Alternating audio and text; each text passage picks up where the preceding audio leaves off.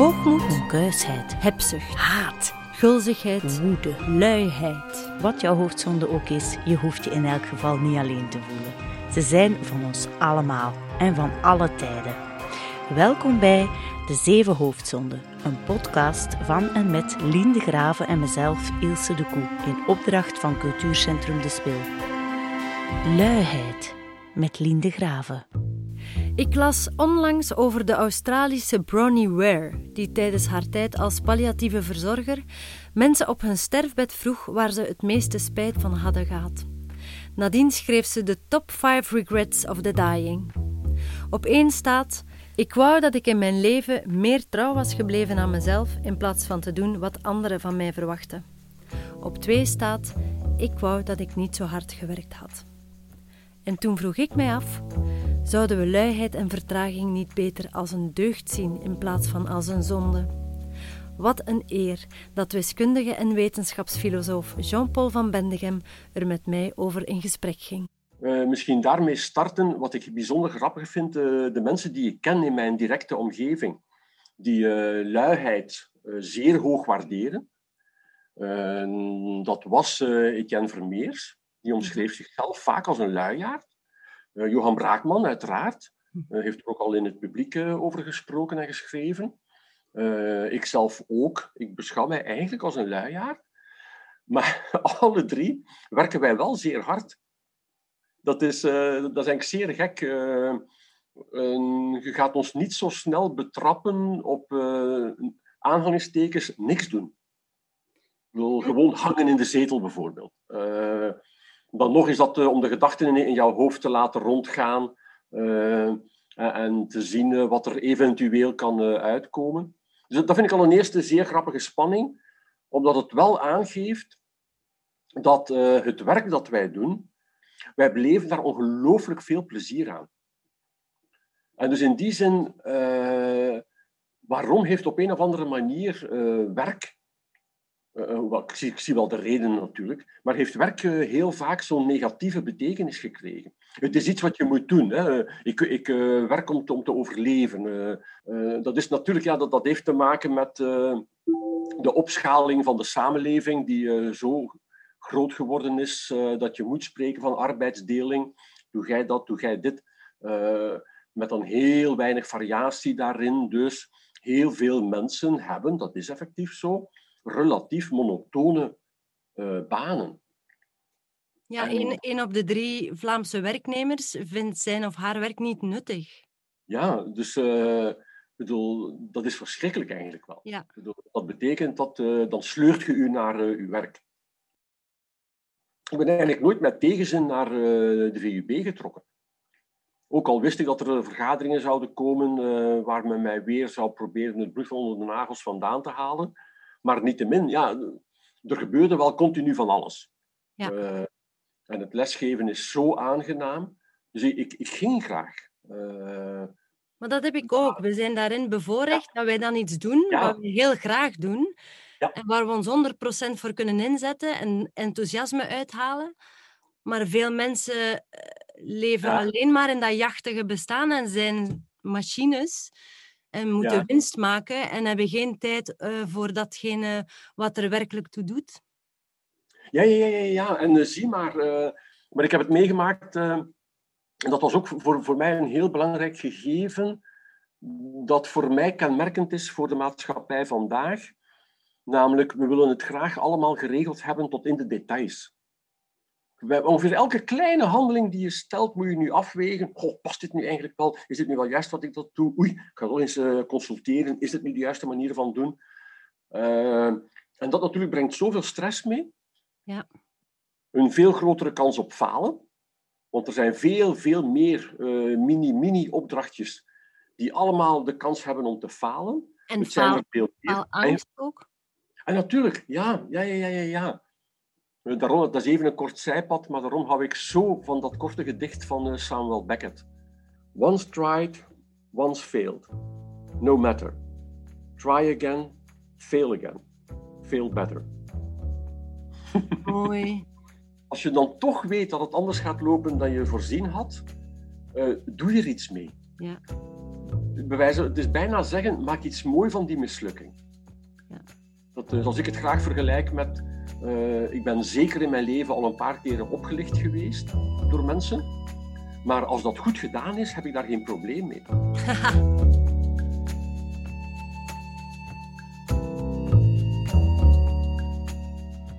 jachtige bestaan nu. Hè? Ik vraag mij gewoon af of mensen de tijd hebben om uh, hun ware zelf te vinden als men alleen maar een soort machine is en alleen maar door wil gaan en in die rush zit.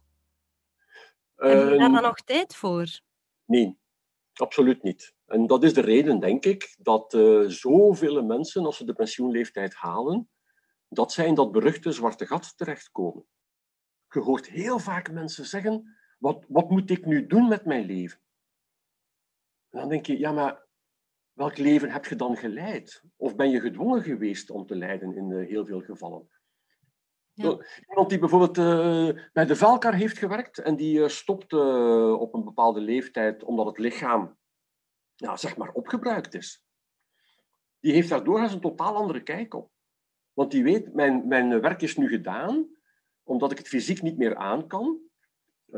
Dat is een factor waar ik zelf geen controle over heb. Het werk heeft dat meegebracht. Ik heb het idee, maar ik heb daar, daar heb ik nu wel geen onderzoek waar ik kan naar verwijzen, maar ik vermoed het wel, het is een vermoeden dat ik nu uitspreek, dat die het gemakkelijker hebben om om te schakelen. Omdat dat buiten zichzelf ligt, de reden. Ja, ja, ja. Maar ik begrijp ook zeer goed mensen die mij afvragen, is dit mijn leven geweest of niet?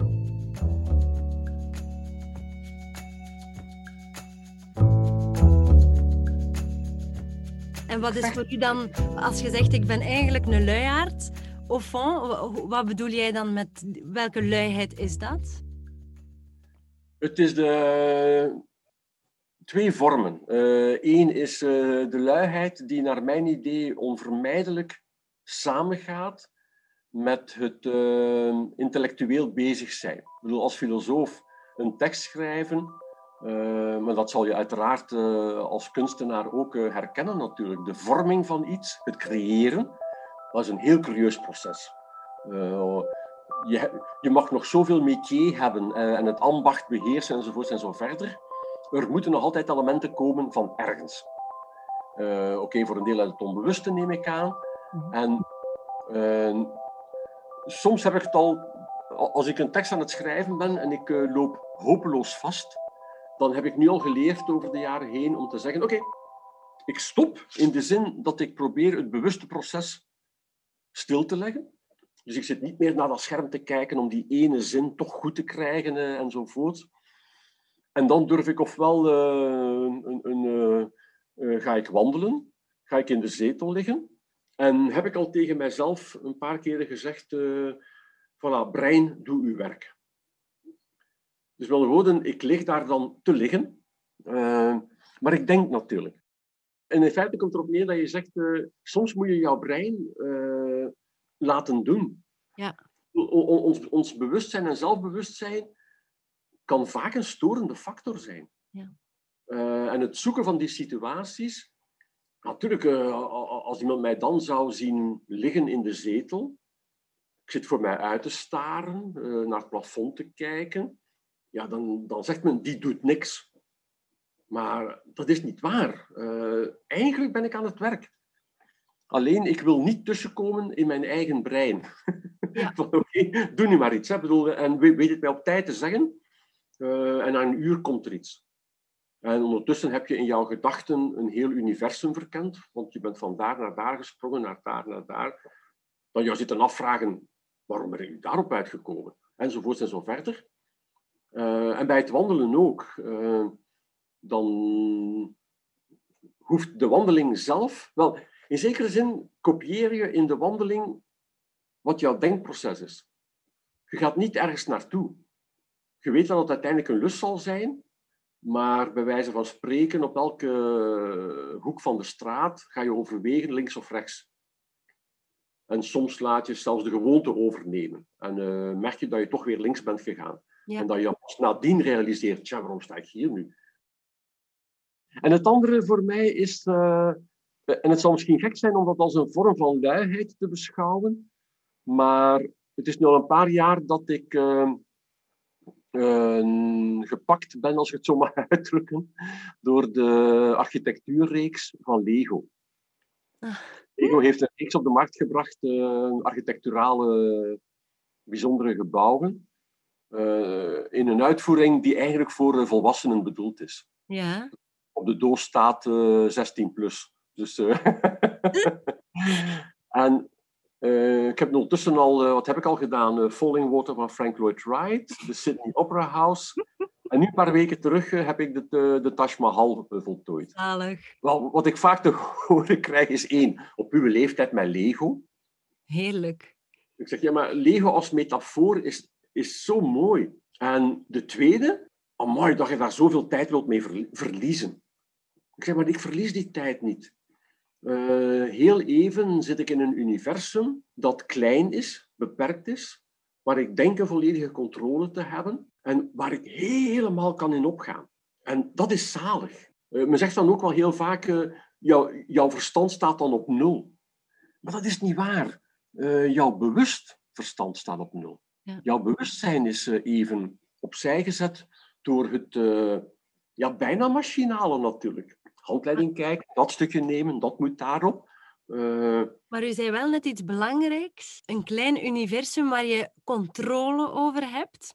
Ja, daarom vind ik het uh, zo fundamenteel belangrijk dat kinderen opgroeien met spelen. Met uh, spellen dus ook.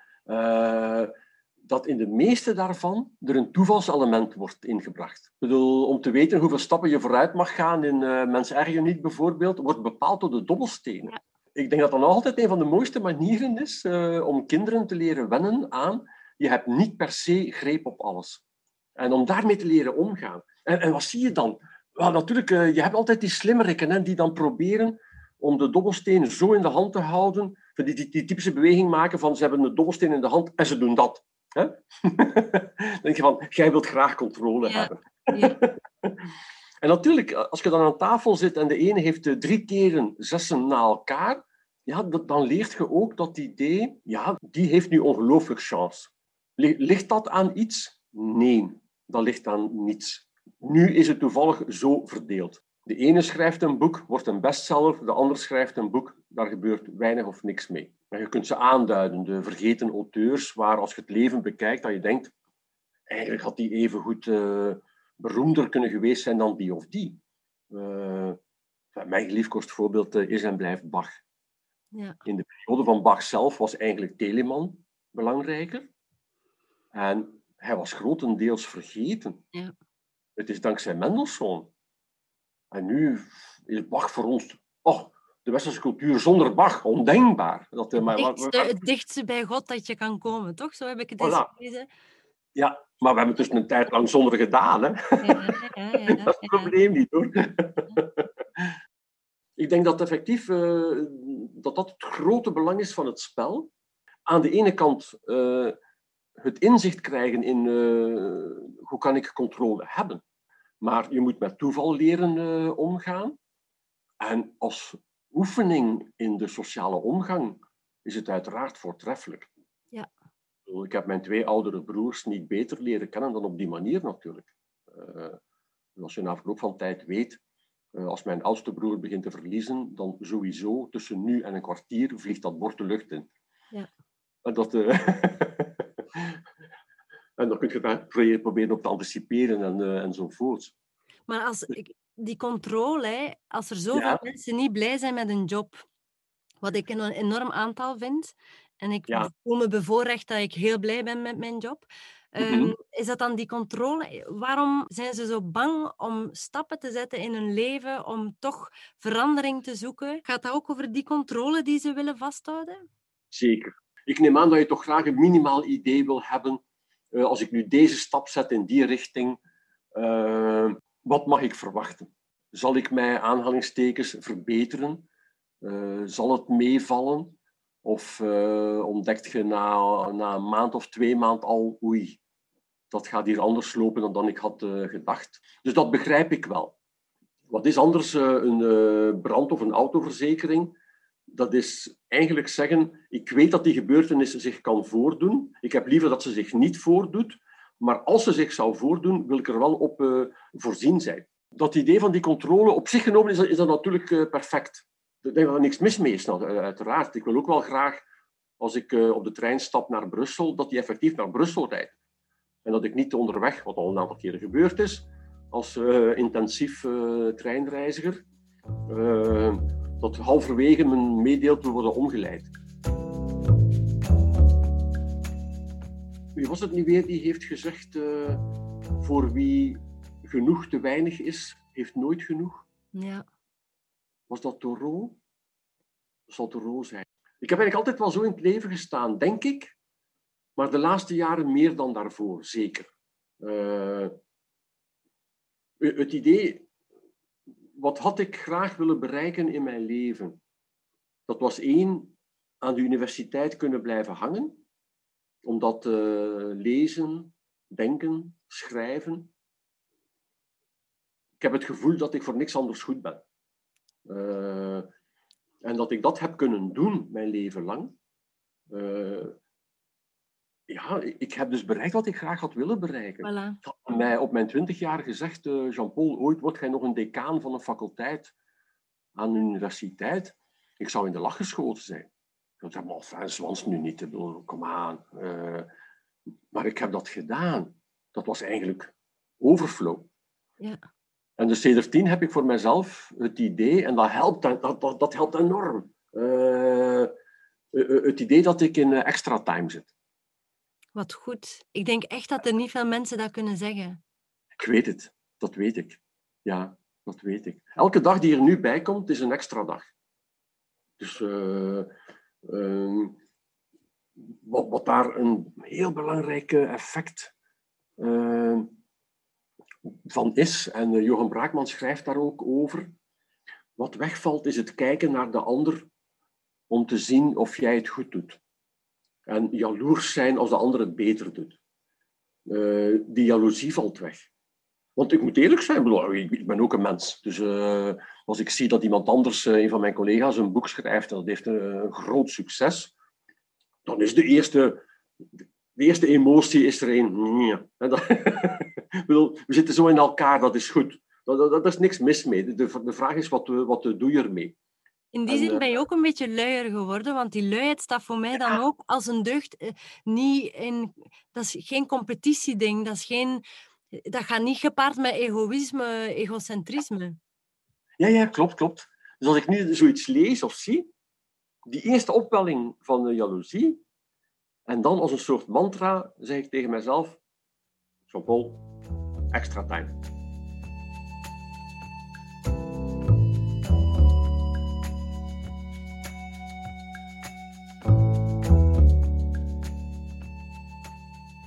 Dat is voor mij de grote kwaal uh, die we vandaag hebben, het afvinken.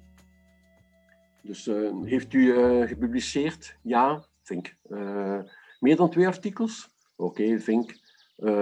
nationaal, internationaal, nationaal. Ai, ja nee, dat gaan we even openlaten. Internationaal, wel, ja, vink. En op het einde tel je vinkjes.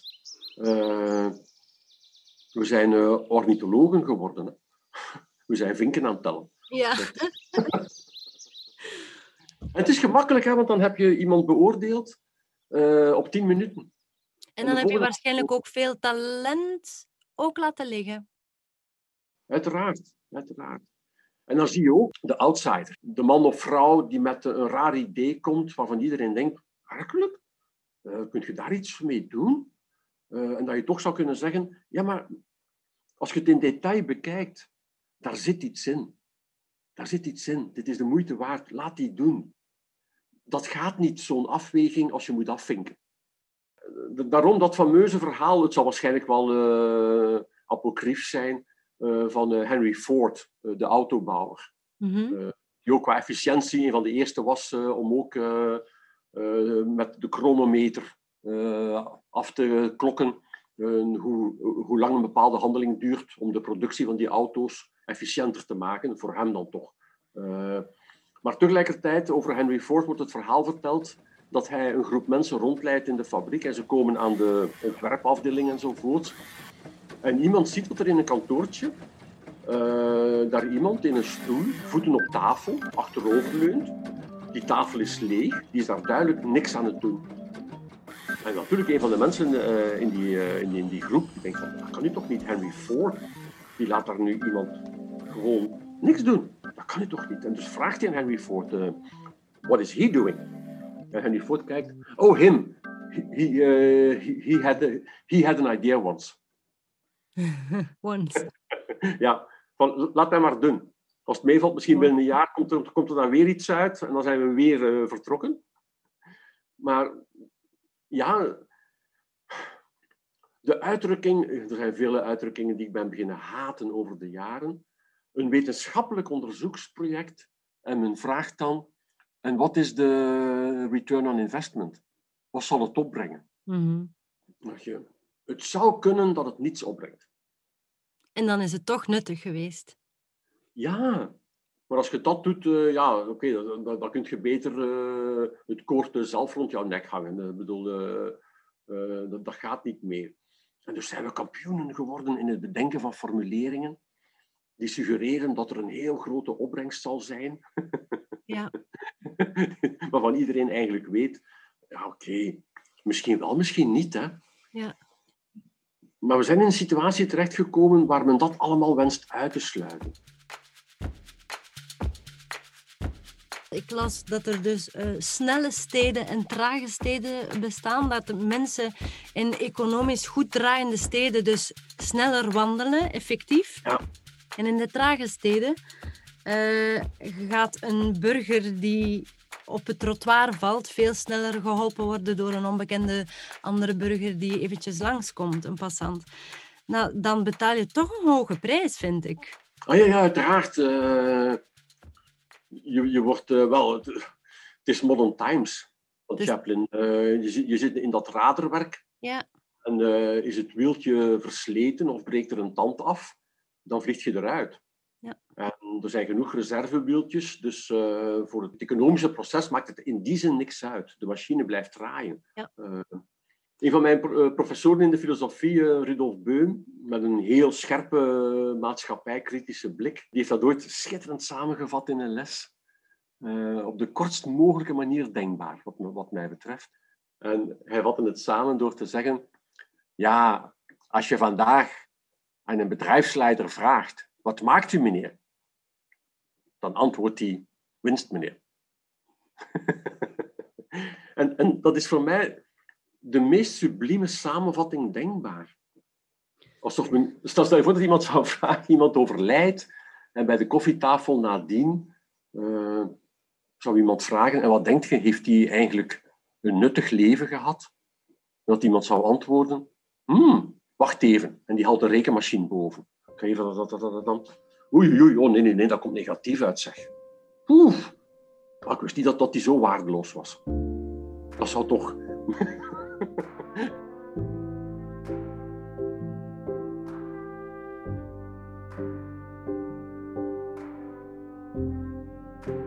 Het Japanse verhaal van de, de kunstenaar die de opdracht krijgt van de keizer om een uh, tekening te maken en die tijd vraagt, dat, vraagt tijd. Maar na een maand, nog altijd niet, tot voor twee maanden, en nu mag je het zo lang trekken als je wil natuurlijk. Maar na een aantal jaren is de keizer zijn geduld helemaal kwijt. En dan zegt hij, ik wil het nu hebben. En de kunstenaar pakt een blad papier, bereidt de penselen, de inkt voor en begint eraan. En op een paar minuten staat het er. Uiteraard is de keizer woedend, want die zegt, ja maar waarom heb je dan zo lang gewacht om, uh, als je het toch op twee minuten kunt doen? En dan zegt hij, ik ga u iets laten zien. Dan doet hij een kast open en daar liggen de duizenden probeersels. En veel mensen weten niet dat die kast er is. En ja, ze zien jou komen als je die duizend probeersels achter de rug hebt. En dan is het vaak zelfs uh, het curieuze fenomeen dat men het evident gaat vinden. En dat men het dan nog moeilijker vindt om te begrijpen, ja, maar om tot eenvoud te komen, dat is een van de meest complexe processen die je kunt bedenken. Iets ingewikkelds maken, dat is zeer gemakkelijk. Dat is, uh, ik ben filosoof van beroep, dus ik weet uh, hoe, ik dat moet doen. Geef mij gelijk welk onderwerp. Binnen de vijf minuten weet je niet meer waar je staat. maar het omgekeerde, dat is een heel complex proces om tot iets simpels te komen.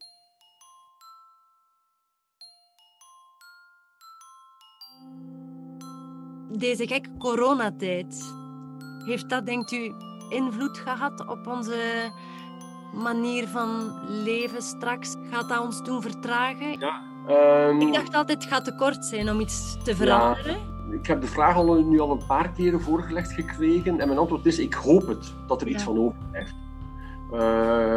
Eén uh, ding waar ik wel vrij zeker van ben, is uh, wat nu wel uh, doorbroken is, is het idee dat het streven naar een volledige digitalisering, dat dat het idee van de baan is. Dus dat is goed. Dat betekent dat we naar uh, hybride vormen zullen evolueren. Dat we voor bepaalde vergaderingen gaan zeggen, mensen, daarvoor moeten wij niet samenkomen. Ja. En dat, uh, maar dat gebeurt ook al nu via e-mail heel vaak. als je niet reageert binnen de vijf dagen, keurt je het goed. Ik vind dat subliem. Je leest dat, je denkt van ja, voor mij prima. En, zegt, en je moet zelfs niet meer reageren. Fijn.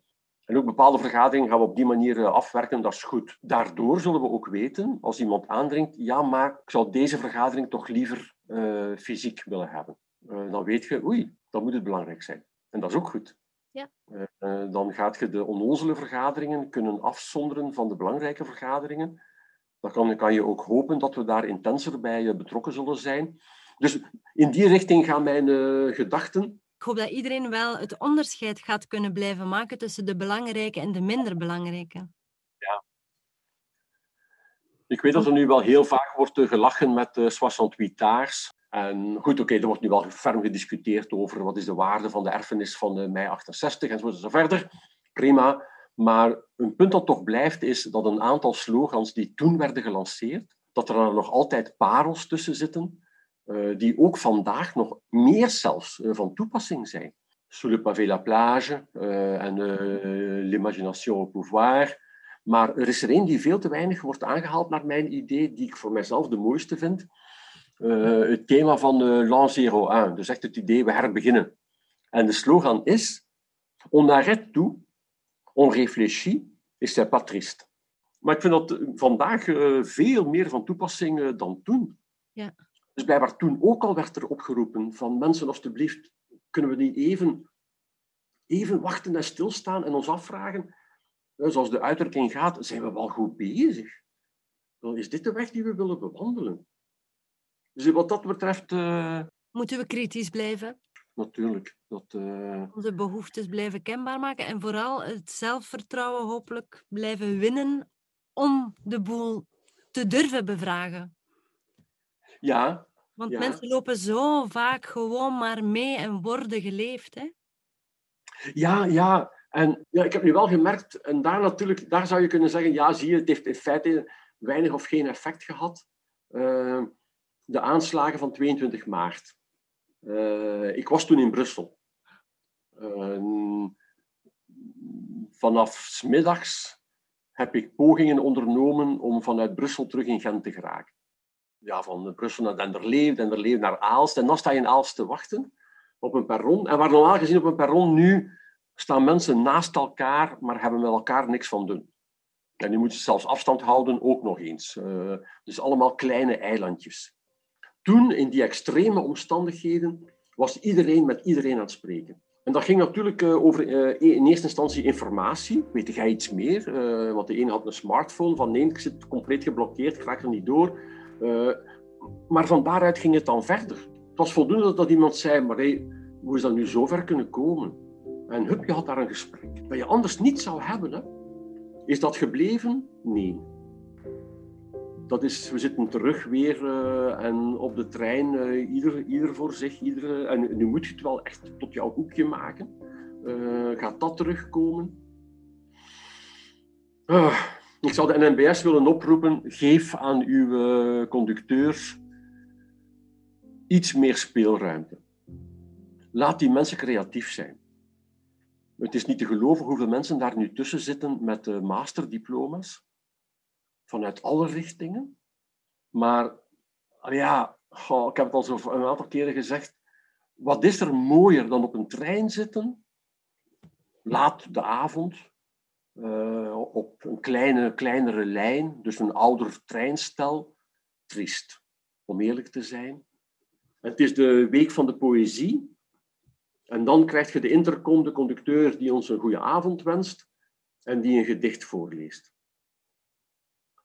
Kijk, als jij of zij dan langskomt, heb meteen een gespreksonderwerp. Dat, uh... dat is zo leuk, maar dan moeten ze ook gemotiveerd zijn om iets tofs, iets creatiefs van een job te maken. Hè. Ik had ook ooit een conducteur en ik nam mijn kaartje. Oh. En dan, uh, ik vond het niet direct in mijn chakos. En hij zei, doe maar rustig hoor, mevrouw de Graven.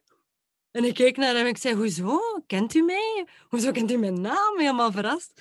Maar in de flap van mijn chakos stond Graven.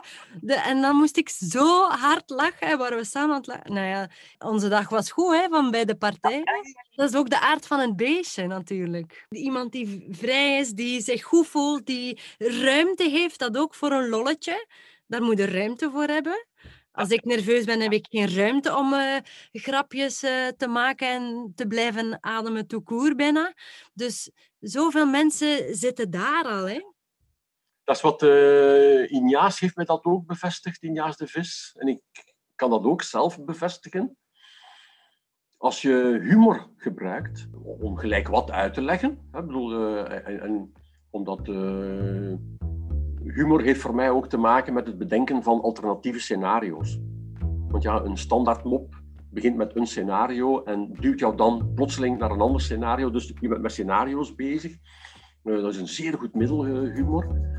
Maar je kunt niet geloven hoeveel mensen dan automatisch aannemen dat je niet ernstig bent. Dat je dus niet een serieus filosoof bent.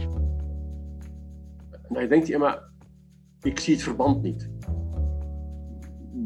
wat zou er nu beletten een diepe waarheid te verkondigen met de lach? Zo, zijn we dan de oorspronkelijke Boeddha vergeten? Een hoop beelden van de Boeddha stelden hem lachend voor.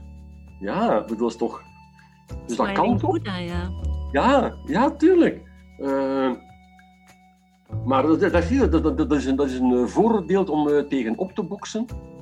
Dat, uh, dat is niet eenvoudig om dat uitgelegd te krijgen, uh, het zal wel te maken hebben met het feit dat uh, nog Jezus, nog uh, Mohammed, waren echt geen lolbroeken. Oh, nergens in de Bijbel leest je en toen kwam Jezus binnen en iedereen schoot in de lach. Nee, hè? Daarentegen, tandenknarsen, daar zijn ze goed in hoor in de Bijbel. Goh, bij het minste geringste, hup, uh, dan moet een aantal versleten gebitten opgeleverd hebben hoor. Russell schrijft dat. There's a lot of knowing of the teeth. dat is waar, hè? Ja, ja. Ah, maar laten we misschien zo eindigen, meneer Van Bendingen. Met een glimlach. En uh, vooral onthouden dat leven te kort is om het te verspillen aan haast en spoed, denk ik. Daar ben ik niet eens 100% mee eens. Ik wil toch nog even weten wat Dirk de Wachter over deze zonde te zeggen heeft. Wel, de luiheid is een hele dubbele. Hè. De luiheid wordt enerzijds veroordeeld uh, als gebrek aan wilskracht en gebrek aan uh, engagement en gebrek, gebrek, gebrek. Hè. Anderzijds is ze voor vele mensen ook een groot streven. Ik wil vertragen, ik wil vrije tijd, ik ga 80% werken, ik ga in die, in die 20% gaan ze van alles anders doen. Hè. Uh, dus het is een hele dubbele zo. Ze wordt veroordeeld en ze wordt verlangd, eigenlijk, de luiheid. Ze wordt, eh, de, de, het grootste probleem in de psychiatrie en in de geneeskunde in het algemeen, de dag van vandaag, de grootste uitdaging, is chronische vermoeidheid. Patiënten die niet meer kunnen en die door de medeburgers vaak veroordeeld worden als lui, gebrek aan wilskracht, niet willen, niet, kunnen, ja, dat is gemakkelijk. Hè. Je ziet die daar zitten. Hè. Veroordeeld, waardoor de mensen zich nog slechter gaan voelen. Hè. Maar deze mensen stellen de geneeskunde voor grote problemen, omdat de somatische geneeskunde vindt niets, bloedonderzoeken tonen niets, en dan moeten zij naar de psychiater. En zij willen niet naar de psychiater zeggen, ja maar dokter, ik heb geen probleem, maar ik kan niet. Ik ben moe. Ik kan niet. Wederom de luiheid die gepsychiatriseerd en vergeneeskundigd wordt. Merkwaardig zo. En veroordeeld hoor, uitgespuwd door, door de maatschappij. Hè? Dus de, is een heel, de, de wereld heeft een heel dubbele houding tegenover de luiheid. Hè? Maar natuurlijk, de succesvolle CEO die zegt: Ik neem een sabbatical en ik ga drie maanden in de Provence in mijn villa naar de sterren kijken. Dat wordt bewonderd. Hè? Maar, allez, de ironie in mijn stem is toch ook duidelijk. Hè? Dat, eh, om dan, meestal schrijft hij dan een boek ook, die een bestseller wordt overigens. Hè? Dus, dus ja, de luiheid. Hè? dat is, dat is een, een grote uitdaging. In een doordrammende wereld denk ik ook wel dat de luiheid niet de oplossing is. De vertraging, de verstilling, zit hem in het inweven in het dagelijks leven van momenten van verbinding en verstilling en rust en, en kalmte en, en bezinning ook. En verbinding met anderen en, en zorgzaamheid en al die dingen. Veel meer dan te zeggen, voert, uh, ik ga dat doordrammende leven stoppen. Ik, uh, ik doe niks niet meer nu. Hè. Voilà, ik doe niks niet meer. Dat lijkt mij geen, geen goed idee. Want dan gaat dat heel vlug naar een soort van ledige nietsigheid. Wat blijft het toch een genot om elke aflevering af te sluiten met Dirk de Wachter. Mijn zoon van zes hoorde net zijn stem en zei: Is dat de stem van Sinterklaas? Dankjewel Caspar Schellingerhout voor de muziek en de montage. En natuurlijk Jean-Paul van Bendegem voor je inspirerende ideeën. In de volgende aflevering heeft Ilse het over de hoofdzonde woede. Woede! Dat belooft.